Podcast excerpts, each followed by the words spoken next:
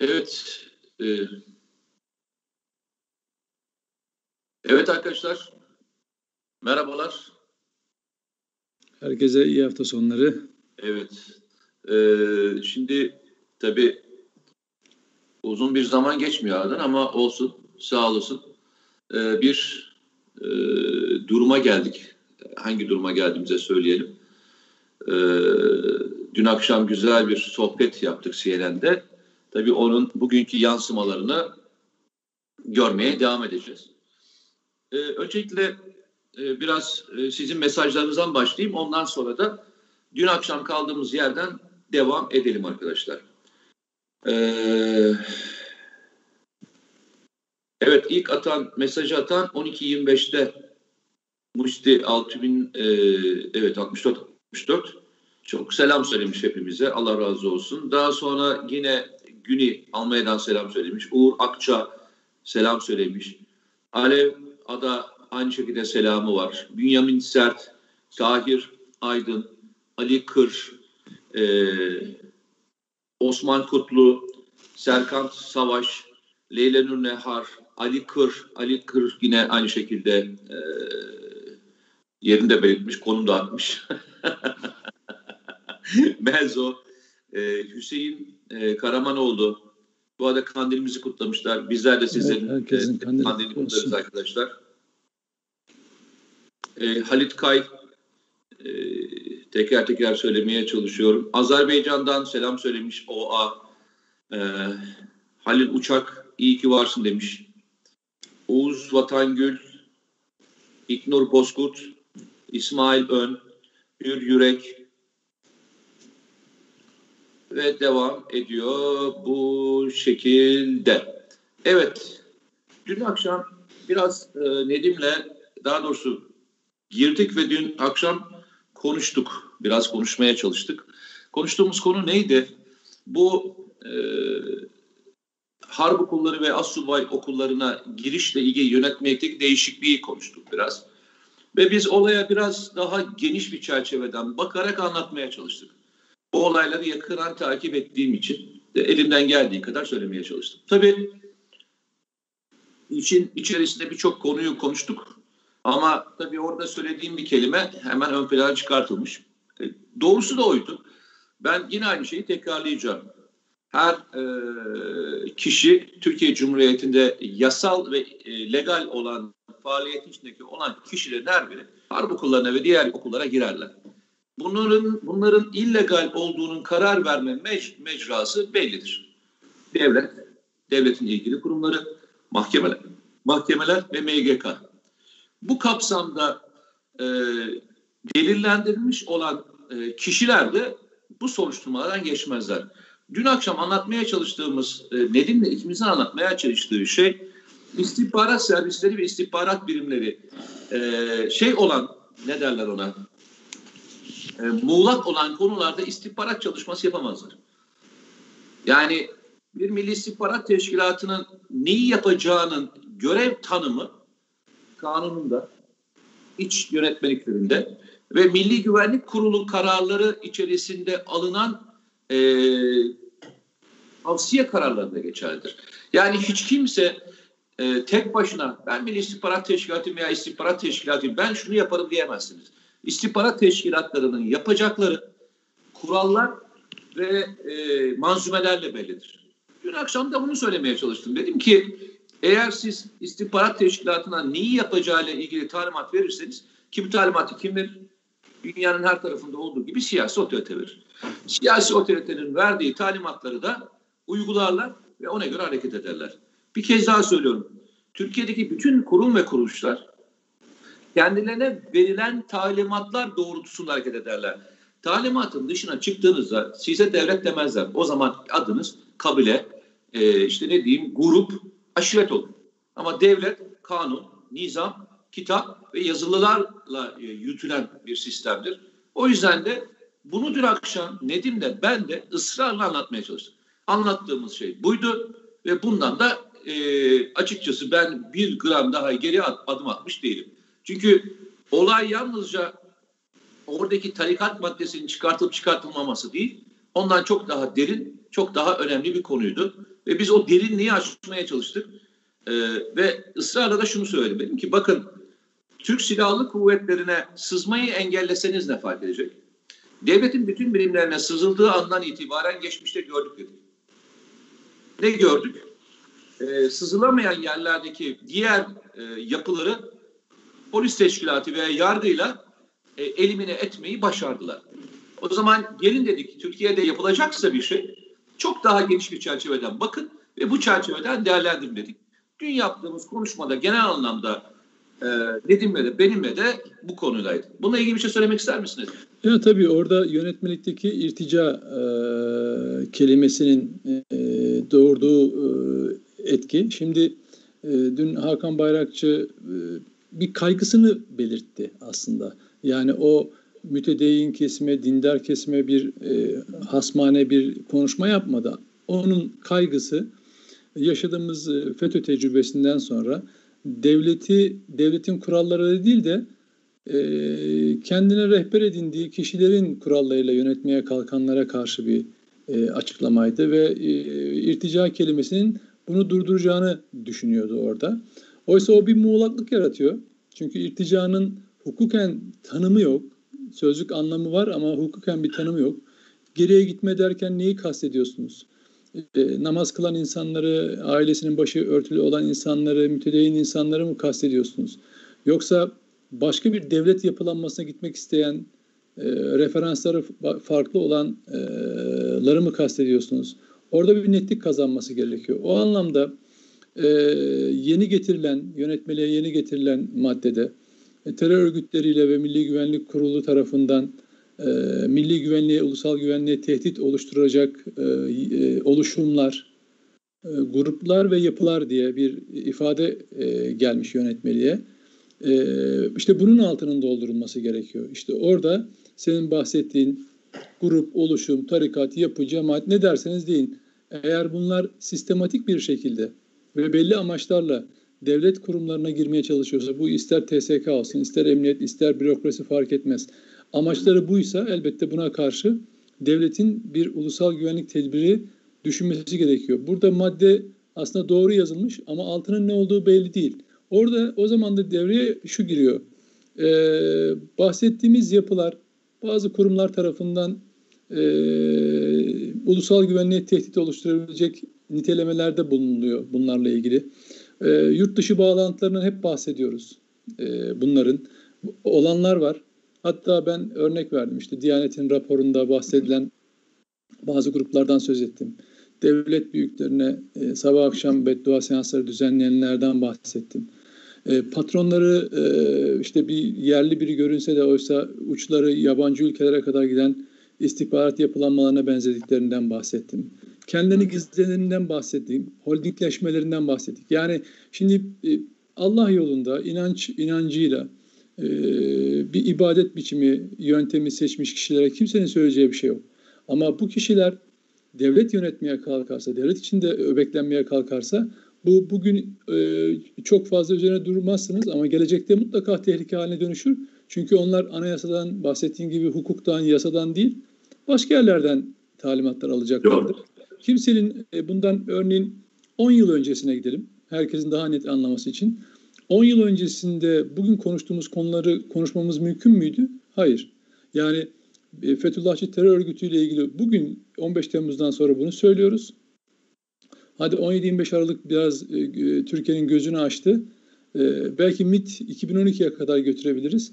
Ama ondan öncesinde bugün konuştuğumuz konuları o cemaat adı verilen FETÖ, FETÖ ile ilişkilendirmiş olsak ki bunu yaptık da başımıza neler geldiğini Türkiye'de gördü zaten. Doğru. Yani o günlerde bunu eleştirenleri, bunu bu, bu tehlikeye dikkat çekenleri, bu kadar boyutlu olduğunu bilmesek dahi e, burada bir sorun olduğunu anlatmaya çalışanlar e, Hablemitoğlu'ndan başlayın suikaste öldürüldü. Onlarla uğraşan, onlarla, onlar, onların ismini zikredenler hapse atıldı, itibarsızlaştırıldı. Dolayısıyla bir 10 yıl geriye gidersek e, bundan sonraki 10 yıl benzeri bir tehlikeyi yaşamamak için önlemler almak gerektiğini e, söyledik. E, yeni getirilen yönetmeliğe madde aslında buna önemli bir şekilde cevap veriyor. Ama Milli Güvenlik Kurulu'nun ulusal güvenliğe tehdit olan grup, yapı ve oluşumların ne olduğunu çok net anlatması gerekiyor. Bununla ilgili çalışmalar yapılması gerekiyor. Ama sen programda öyle bir söz söyledin ki e, ya bu nasıl olacak o zaman peki sorusunu gündeme getirdi. O da neydi? E, Milli İstihbarat Teşkilatı'nın tarikat ve cemaatleri e, izleme faaliyetinin sona erdirildiğini söyledim. Bunun dayanağını ben gerçekten yani bir kanun değişikliğinden bahsettin. Ama ben onu mesela e, bilmiyordum. Yani e, birçok insan da bilmiyordu. Zaten bugün birçok internet sitesine konu olması, sosyal medyada bunun konuşuluyor olması ilginç. Biraz belki o konuyu senden dinleyebiliriz. Ee, ben e, e, İsmail Gökçe bir şey yazmış e, bizim izleyicilerine. Muhtemelen Almanya'da yaşıyor. Senin de dün akşam bahsettiğin yapıya atmış. Demiş ki Almanya'da Alman e, SGK e, parantez çalışmak isteyen hakimler bile istihbarat soruşturmasından geçiriliyor.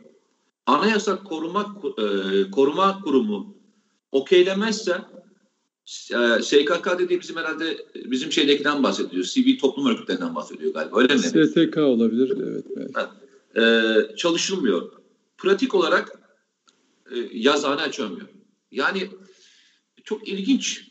Yani dün de sen bahsettin dün akşam e, bu Anayasa Koruma Kurumu'nun ne kadar önemli olduğunu evet. ve e, bunun bunun bir engelleme olarak görülmediğini, tam tersine bir denetim mekanizması olarak kurulduğunu çok Tabii. net olarak söyledin. Tabii yani Anayasa Koruma Kurulu'na e, kurulu e, örneğin X e, STK'sını herhangi bir şeyi, bir oluşumu, yapıyı izlediğini ilan ediyor ve onu belli bir denetim sürecinde tutuyor. Ve, ve ondan sonra belli bir süre sonra çıkartabiliyor. Ben diyor bakın diyor denetliyorum sizi. Haberiniz olsun. Tabii. Ya açık sak şey yapmıyor yani. Tabii tabii. Tamam Çünkü en önemli şeylerden bir tanesi, Türkiye'de de tartıştığımız konu o değil midir? Ee, demokrasiyi e, tesis etmek için var olan Türkiye Büyük Millet Meclisi'nin demokrasiyi kullanarak gelen kurumu e, terörle iktisatta olduğu için e, çıkartmaya çalıştığım zaman bile hani insanların aklına anayasa gelmiyor. Evet. evet anayasa evet. gelmiyor. Evet maalesef. Yani e, çünkü anayasanın önemli şeylerden bir tanesi şu değil mi? Türkiye Cumhuriyeti'nin bölünmez bütünlüğünü korumak değil mi? Tabii. Şimdi biz burada burada e, şöyle bir şey sadece içerik olarak dahi inanç e, yapısı olarak dahi bu bahsettiğimiz kurulu, e, kurum mu diyelim yapıları organizasyonları Diyanet İşleri Başkanlığı'nın denetimine dahi sokamadık. Yani bu konuda e, ilahiyat konusunda en çok söz söyleyecek e, en yetkili kurum Diyanet İşleri Başkanlığı bir rapor hazırladı 15 Temmuz sonrası. O dönemin koşulları gereği böyle bir rapor hazırlandı ve bunu dahi doğru dürüst sahiplenmediler gelen tepkiler üzerine. Ama bu raporun onlar tarafından hazırlandığını biz ispatlıyoruz, görüyoruz da. Ve fakat aradan geçen süre içerisinde bunların e, inanç dünyasında ne kadar tarikat sayılacakları, ne kadar cemaat sayılacakları, e, İslam'ı e, ve onun işte e, Kur'an-ı Kerim'i, sünneti veya diğer e, alanlarda ne kadar referans olabileceklerini biz konuşamadık, konuşturmadılar. Bunu söyleyenleri, bunu söyleyenleri din düşmanı, ehli sünnet düşmanı, inanç düşmanı deyip hatta komünist, momist diye susturmaya kalktılar. Ama bugün gelinen noktada hani irtica kelimesinin yönetmelikten çıkarılmasıyla başlayan tartışma aslında bu bu bu sancılı durumun devam ettiğini de gösteriyor. Çünkü buna itiraz edenler e, elbette ki o gruplara karşı oldukları için değil, devleti korumak için bunu yapıyorlar. Yani devlet de böyle ayakta kalabilir zaten. Bir bela geldiğinde 15 Temmuz gibi halkın sokağa dökülüp e, yüzlerce insanın şehit, binlerce insanın gazi olması gibi bir olayla yaşamayalım diye, bir olay yaşamayalım diye yarın 10 yıl sonra, bundan 10 yıl sonra, bundan 20 yıl sonra benzeri durumlarla karşılaşmayalım. O kadar büyük çaplı olmasa dahi hiçbir şekilde ihanete uğramayalım diye insanlar devleti korumak amacıyla bunu yapıyorlar. Bunu yaparken devleti korumak için niye yapıyorlar? Çünkü herkes eşit ve özgür yaşamak istiyor bu ülkede. Yani bir fert, siz bir fertsiniz, fert olarak ayakta kalıp yasaların sizi korumasını beklersiniz. Ama eğer bir gruba girecekseniz o grubun koruma şemsiyesine giriyorsunuz. Ama e, demokrasi, hukuk, özgürlük, anayasa, eşit yurttaşlık ne demektir? Bir ferdin dahi yasalar önünde kendi hakkını koruyabilmesi demektir. Devletin de buna saygı göstermesi ve bunu koruması demektir. Ama bu olsun istenmiyor. Onun yerine ne yapmak, ne yapmak gerekiyor? Ben bürokraside işe gireceksem şu grubu, e, efendim terfi edeceksem bu grubu bulmam ve onları aramam, onların gönlünü hoş etmem gibi bir durumla karşı karşıya kalıyoruz ki bu sağlıklı bir devlet işleyişi değil. Bu mutlaka e, bu mutlaka bir krizle sonuçlanacak bir gelişme. Anladım. Şimdi dün e, konuşulardan bir tanesi de şuydu. Biz e, şunu bir türlü anlatamıyoruz.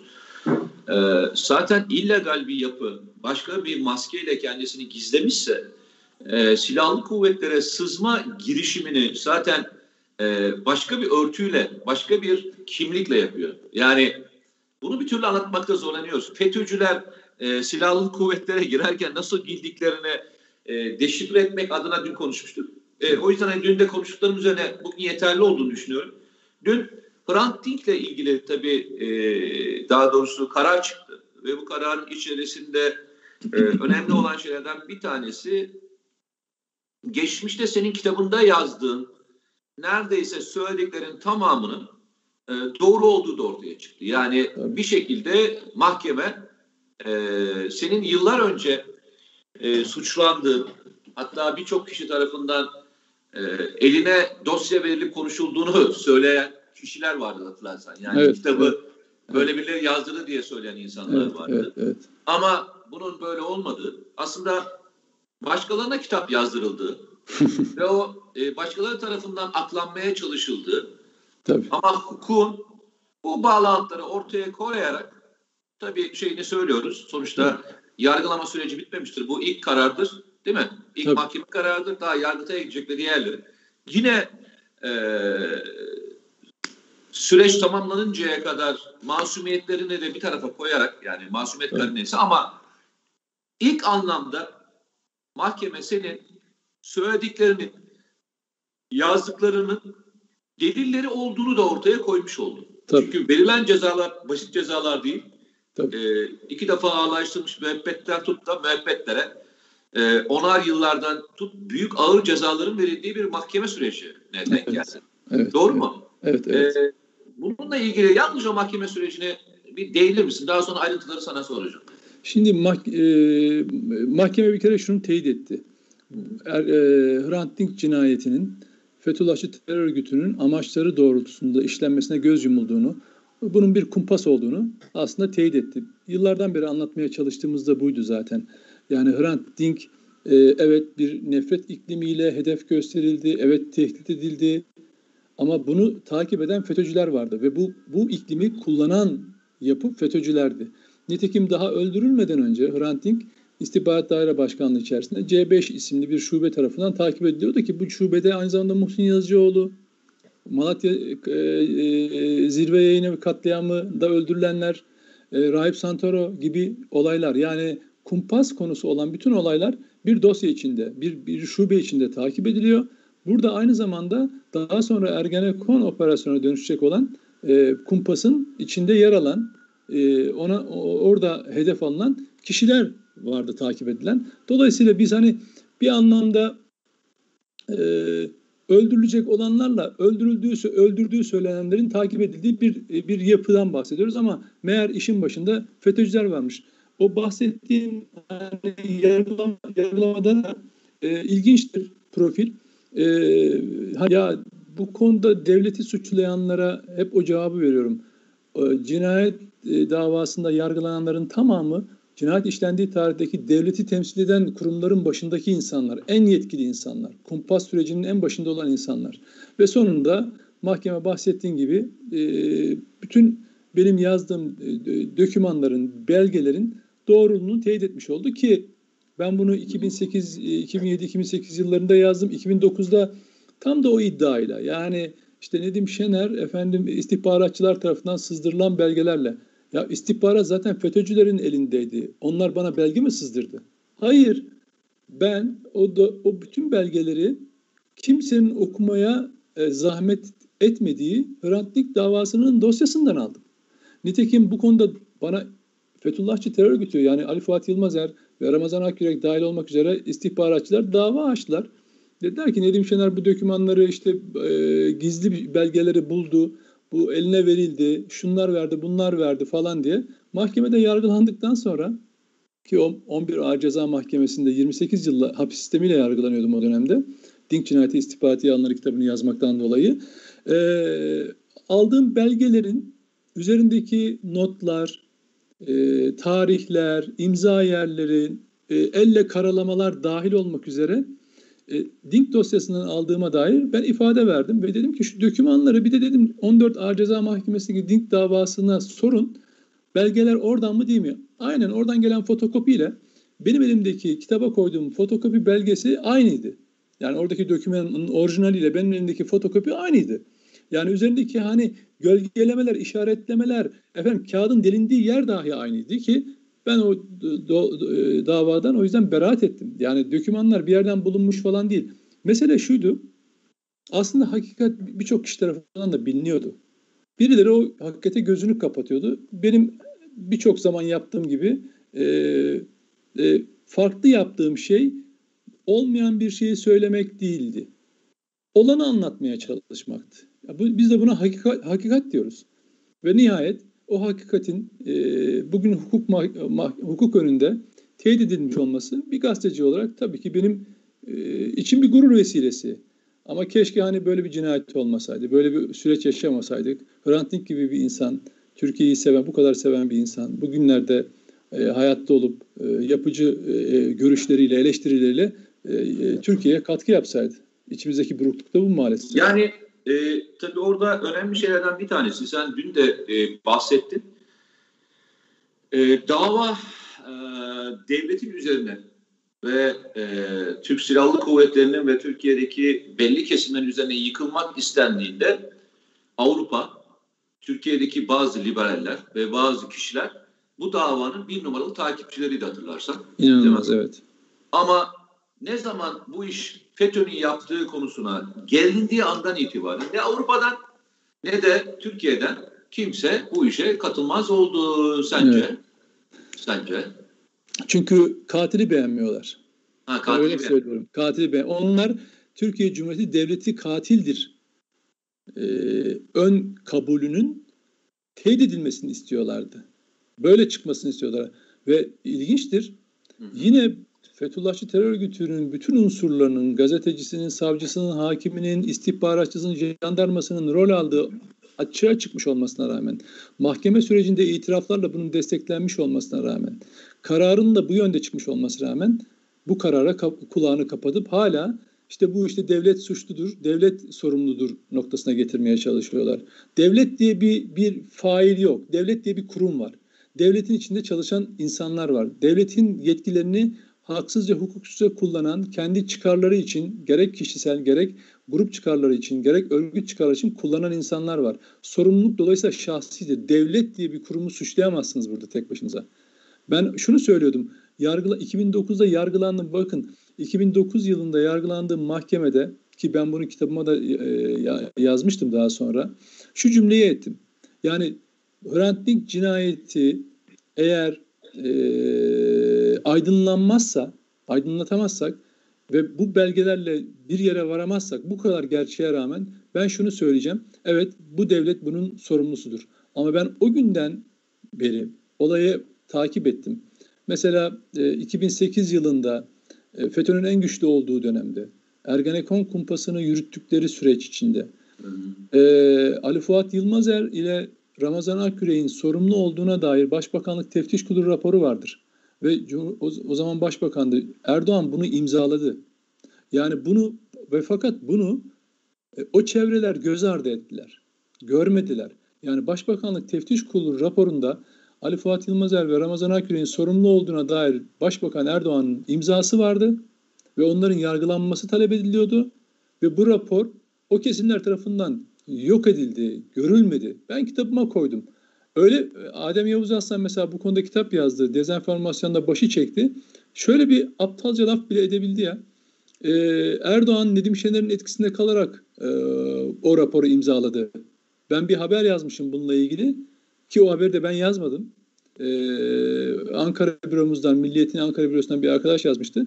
Onu bana atfederek Erdoğan'ın da e, bu etkide kalarak raporu imzaladığını falan söyledi. Onları aklamak adına. Yani dolayısıyla böyle bir süreç yaşadık ve ilgi yani şöyle bir şey. Türkiye'de bu davayı takip edenlerin nezdinde Adem Yavuz Aslan bir zamanlar kredi, kredisi olan bir insandı. Sözü dinlenen bir insandı. Toplantılara çağrılan bir insandı. Hatta Hrant Dink'in gazetesinde röportajı yayınlandı bu adamların. Yani onu, onu geç kadar... Ankara'da Ankara'da onunla yemek yemek e, için randevular alındığı bir adamdı öyle değil mi? Yani şimdi ve bu adamın bakın yazdığı kitap ortada. Kendisi bugün Amerika'da fa, e, şey firari ve bu davada hakkında yargılama istenen tutuklama kararı çıkartılan birisi. Şimdi dediğin dünya boyutuna geliyoruz. Çıkan e, bu karardan sonra Amerika'da, Avrupa'da e, basın özgürlüğü şeyleri var, kurumları var, gazeteciler var. Hiç kimse onlara bir tek söz söylüyor mu? Yani bu işin arkasında da tıpkı Carlos suikastinde, tıpkı Hablemitoğlu cinayetinde, tıpkı Rahip Santoro cinayetinde, Malatya'da, Muhsin Yazıcıoğlu suikastinde imzası olan, elleri kanlı olan Fethullahçı terör örgütüne tek bir kişi, tek bir Avrupalı, o medeni Avrupalı, o ifade özgürlüğü savaşçıları tek bir söz ediyorlar mı? Etmiyorlar. Bir başka yönü daha var. Peki onları savunabiliyor, savunabiliyorlar mı? Hayır çok ilginç bir şekilde onları da savunmuyorlar. Bunlar masumdur da demiyorlar. Farkında mısınız? Yani ona dikkat yani... etmek isterim. O FETÖ'cüleri herhangi bir konuda şunu yapmamıştır, soru çalmamıştır, insan öldürmemiştir, kumpas kurmamıştır da demiyorlar. Ortaya bırakıyorlar.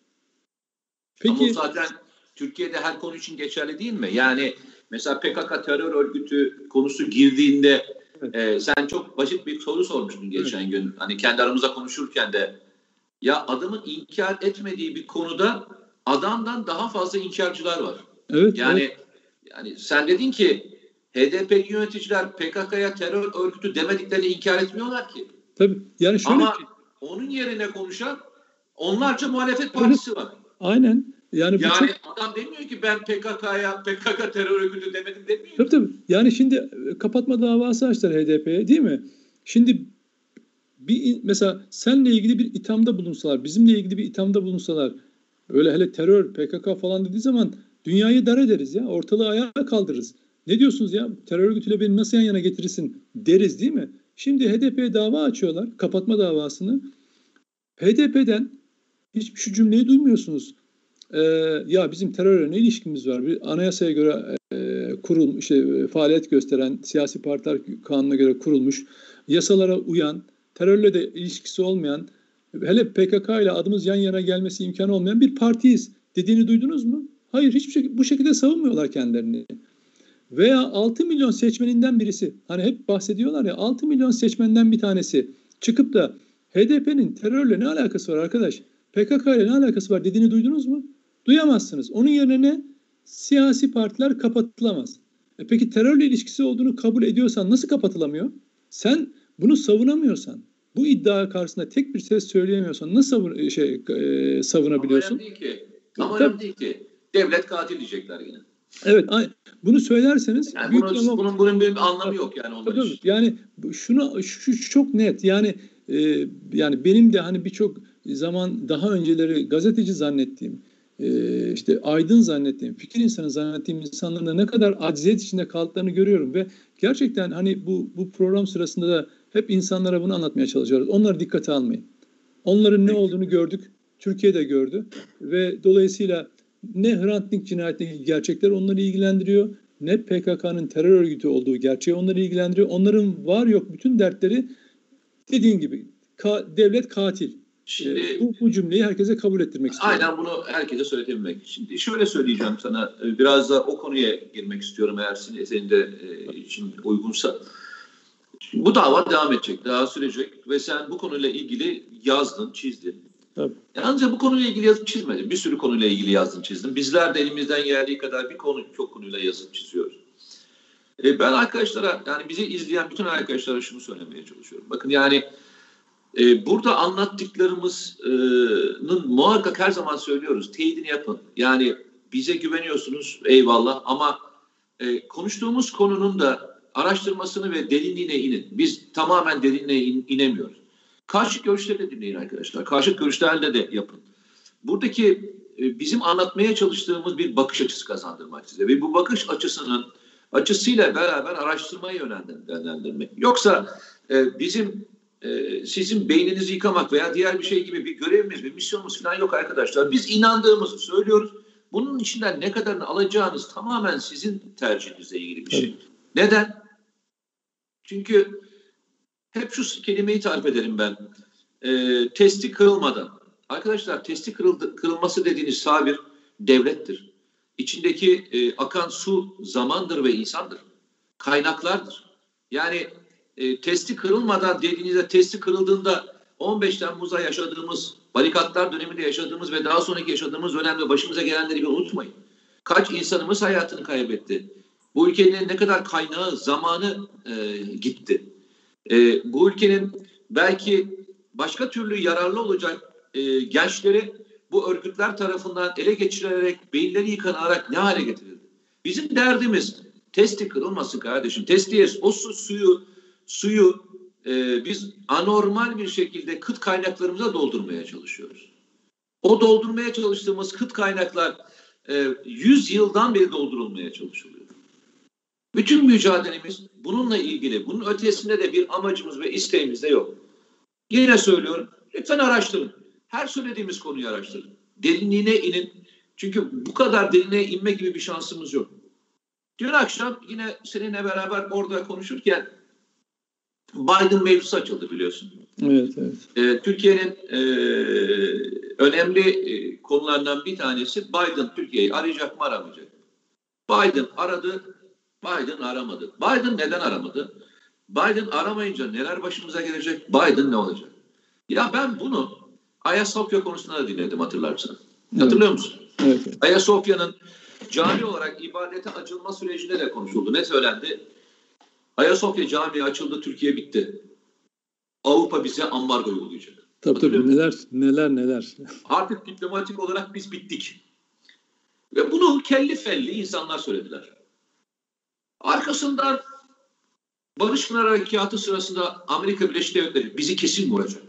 Uçaklarıyla vuracak, bizi dümdüz edecek. Afrin Harekatı oldu. Afrin Harekatı'nda bu olacak. Libya Harekatı bu olacak.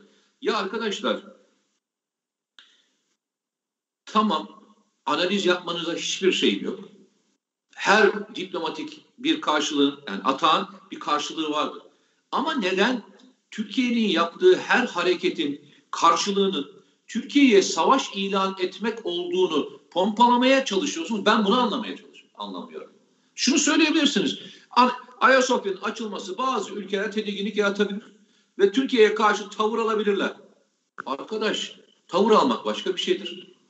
Türkiye'yi yakıp yıkmak başka bir şeydir ya. Mete orada, orada orada orada aslında Amerika'nın e, ne yapacağını değil. Onlar Amerika'nın ne yapması gerektiğini söylüyorlar. E, bir siyaset yapıyorlar akılları sıra. Amerika'nın böyle bir şey yapıp yapamayacağından daha çok niyetlerini söylüyorlar. Ya diyorlar ki keşke Amerika gelse de vursa. Keşke Amerika gelse de ambargo uygulasa, yaptırım uygulasa. Bunu söylüyorlar aslında. Yani bunu şeyde de gördük. Geçen hafta pazar akşamı e, uzak şey Asya piyasalarında TL'ye karşı bir operasyon çekildi. Ve yüzde 16 bir gecede bir, birkaç saat içinde daha doğrusu e, TL değer kaybetti. Neler yazdıklarını sosyal medyada aynı insanların neler yazdığını gördük. Türkiye battı yarın dolar 15 lira. En, minimum en iyimseri 10 lira. Paralara el konacak. Bankamatiklerden para çekemeyeceksiniz. İşte ekonomik kriz, kara pazartesi. O, son programda da söylemiştim. Kara pazartesi bekleyenler için kara pazartesi oldu o gün. Başka kimse için olmadı, Türkiye için olmadı. Aynı insanların benzer tepkileri her olayda vermeleri tesadüf mü? Değil. Bu sadece onların aptallıklarını gösteriyor. Bu onların hakikatle yakından uzaktan ilgisinin olmadığını, amaçlarının yalnızca algı operasyonu olduğunu gösteriyor zaten. O yüzden onları anlamak çok kolay. Yani ama Nedim şöyle değil mi ya? Şöyle değil mi? Şimdi e, bu 50 kelli felli adamlar e, koca koca ünvanlar, koca koca e, tabirler e, varken e, senin benim söylediğimin ne anlamı var ki arkadaş? Evet.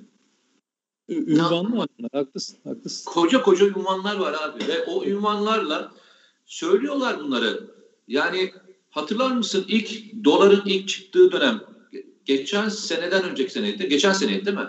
Evet. Bir 9'a doğru gidiyor hikayesi olduğunda insanlar... 2018 zannederim. 2018. Ha? 2018 galiba. 2018 miydi ben? Olabilir. Olabilir. 2018 olabilir.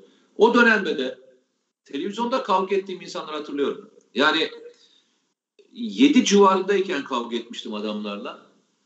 Ee, onların tabiri bayağı gidiyordu yani.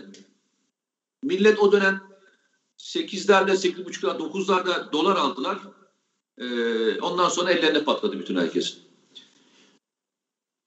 Ve söylediğim şey kelime de aynen şuydu. Kavga ettiğimde söylediğim şey şuydu. Arkadaşlar dedim ya. Bugün yapılanı, yapılan bu dolar yükselişinin mantığını bir anlatır mısınız? Yani Türkiye, Mısır'dan, Türkiye, Yunanistan'dan veya diğerlerinden kötü mü? Yani bunun bir ekonomik saldırı olduğunun farkında değil misiniz? Tamam Türkiye'nin ekonomik kırılganlıkları vardır. Ama bu kırılganlığın gidebileceği bir yer vardır, bir mesafe vardır. Evet. Yani Yunanistan parası değerlenirken, Mısır'ın parası değerlenirken Türkiye'nin düşmesi diye bir tabir olamaz dedi. Anlatıyorum tamam mı? Yok adam ona şöyle bakmadı. Daha sonra Trump çıktı dedi ki kardeşim biz Türkiye'ye dolarla saldırdık dedi. Hatırlıyor musun? Evet evet tabii tabii. Daha sonra Standard Poor's'lar diğerleri şöyle açıklamalar yaptılar.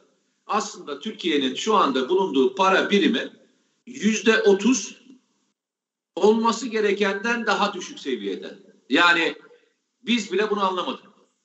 Yani e arkadaşlar, e biraderler, e biz bunu söylerken niye e, kızdınız bize? Yani bize niye kızdınız? Tabii. Yani sana kızmaları yani bu tür görüş olanlara kız, kızmaların nedeni e, söylediğinizin hakikat olması. İnsanları en çok ne kızdırır? Kendi yanılmış olmaları. Yani bunu kabul edemezse karşısındakinin e, hakikatine kızar insanlar.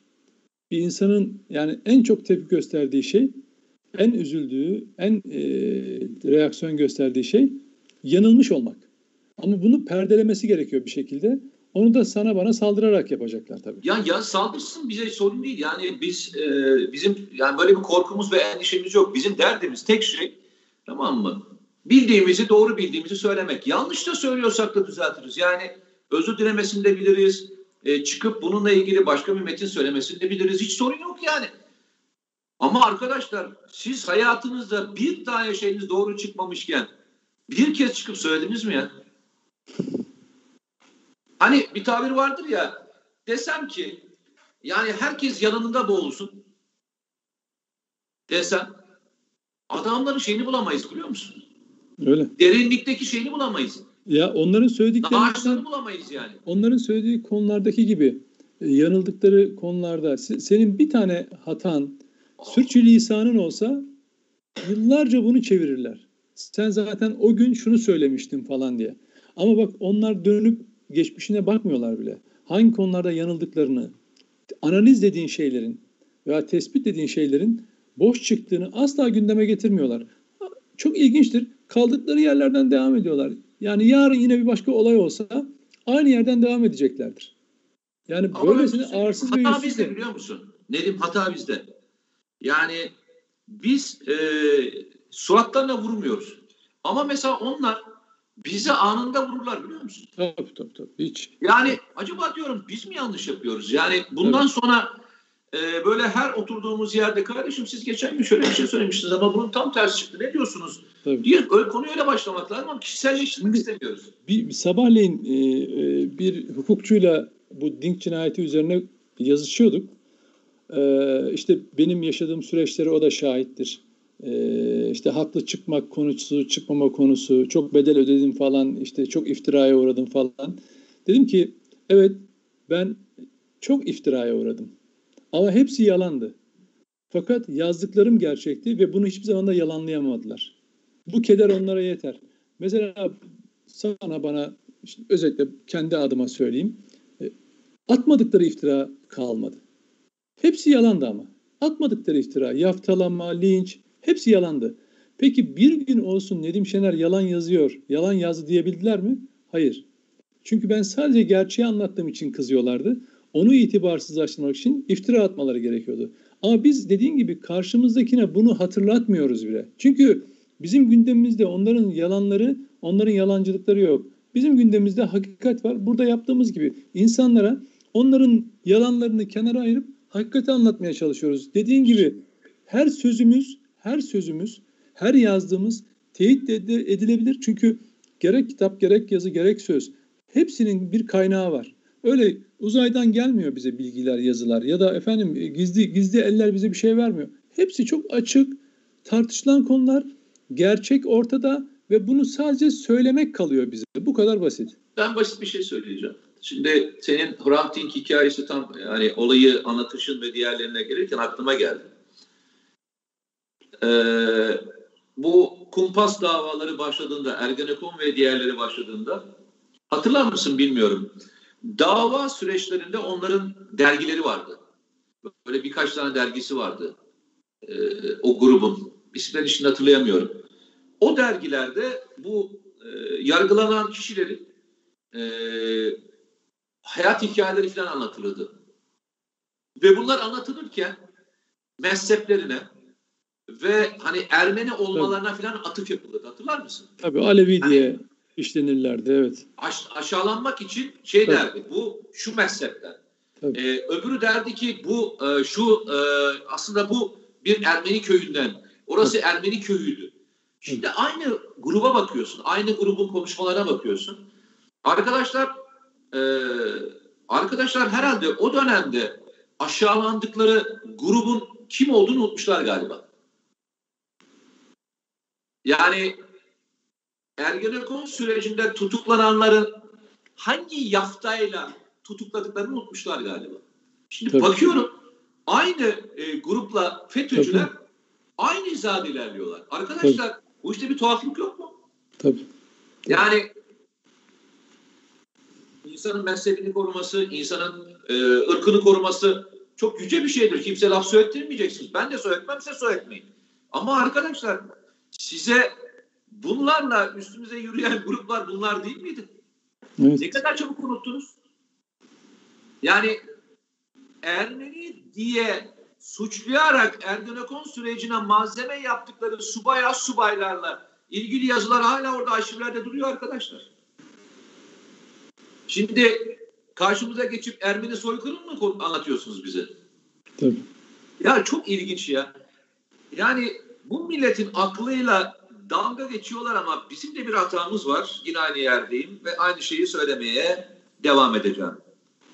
Suratlarına vurmadığın kişiler kendilerini muteber, muteber saymaya devam ederler dedim. Ve işte o yüzden ben ee, bazen de tepki alma pahasına e, hiç kimseyi dinlemeden yüzlerine bu yalanlarını vurmayı tercih ediyorum. Hiç boş bırakmıyorum alanı. Yani kullandığım yegane sosyal medya alanı Twitter. Özellikle din cinayeti konusunda baktım. Dün bir takım insanlar tekrar davayı alıp yeniden bir hikaye üretmeye kalkıyorlar. Direkt e, yüzlerine vuruyorum. Çünkü 14 yıl biz bu işe terimizi, kanımızı, canımızı verdik bu dava bir yere varsın diye. Eksikleri söyleyebilirsiniz. Buna avukatları da zaten itiraz eder. Cezaları az veya çok bulabilirsiniz. Eyvallah. Haklı veya haksız bulabilirsiniz. Ama olayın esasına yönelik. Efendim burada FETÖ rolünü göz ardı edip de tutup hala devlet e, noktasına getirmeye kalkıyorsanız o zaman karşınızda hakikati bulursunuz. Hakikatin sözcülerini bulursunuz. Devlet bugün devlet dediğiniz kurum işte mahkemesiyle 14 Ağır Ceza Mahkemesi'nde bu yargılamayı yapıyor. Devlet dediğiniz kurum böyle bir şey. Bunu yapmasaydı hep beraber eleştirirdik, eleştirmeliydik. Ama bugün bir yargılama var ve sen şunu söyleyeceksin. Diyeceksin ki din cinayeti konusunda bu adamlar masum. Söyleyebiliyor musun? Hayır onu söyleyemiyorsun. Peki neyi söylüyorsun? Oradan yola çıkıp onu göz ardı edip tekrar devlet suçlamasına getirmeye çalışıyorsun. Niye? Çünkü kullanışta bir mağduriyet var. Kendilerince yarattıkları bir kullanışlı mağduriyet. O insanın hakkı, adalet, hukuk onların umurunda değil. Ama ben şahsım adına o bu alanı kendi e, imkanım olduğunca gerek televizyon, medyada, e, gazetede bu alanı yalancılara bırakmama konusunda çok kararlıyım. Hani şöyle bir sözüm var kendime. Ölmeden önce söyleyeceğim her sözü söyleyeceğim. Arkamda söylenmedik hiçbir arkamda söylemediğim hiçbir cümle bırakmayacağım. e, ulaştığım bütün gerçekler konusunda. Eyvallah. O yüzden hani e, bazıları sert bulabilir. Bazıları şöyle bir şey yapıyor. Ya işte buna cevap niye veriyorsun? Bunu niye ciddiye alıyorsun falan. Önemli olan onu ciddiye almam değil. Söylediği cümlenin bir takım insanlar nezdinde itibar görebilecek olması. Ona karşılık eğer bir cümle gerçeği sen söylemezsen e, onun e, yalanının yayılmasına sebep olursun. Onun için ister üstüne ister altına sosyal medyada yazdığı mesajın altına üstüne cevabı yapıştıracağım ve dolayısıyla insanlar gerçeği edinsinler. İster köşe yazısında, ister televizyonda, istersen burada e, memleket e, aşkına programında biz hakikati söyleyeceğiz. E, geri kalan yalanlarıyla yalanın ateşinde kavrulan o insanlar düşünsünler. Eyvallah. Eyvallah. Arkadaşlar çok teşekkür ederiz. Bir cumartesi günü yine e, dışarı çıkıp gezmek varken bizi dinlediğiniz için, bizimle beraber olduğunuz için, acımızı, e, sevdamızı paylaştığınız için veya mutluluklarımızı paylaştığınız için çok teşekkürler. E, çarşamba günü inşallah bir araya geliriz. E, Biden konusuna bugün çok fazla giremedik ama Biden konusu tartışılmaya devam edecektir. E, çarşamba günü çok daha detaylı gireriz. Daha detayları çünkü mektup da yazılmış gördüğüm kadarıyla. Mektubun da detayları ortaya çıkar, çıkar ve o mektubu da konuşmaya devam ederiz diyorum.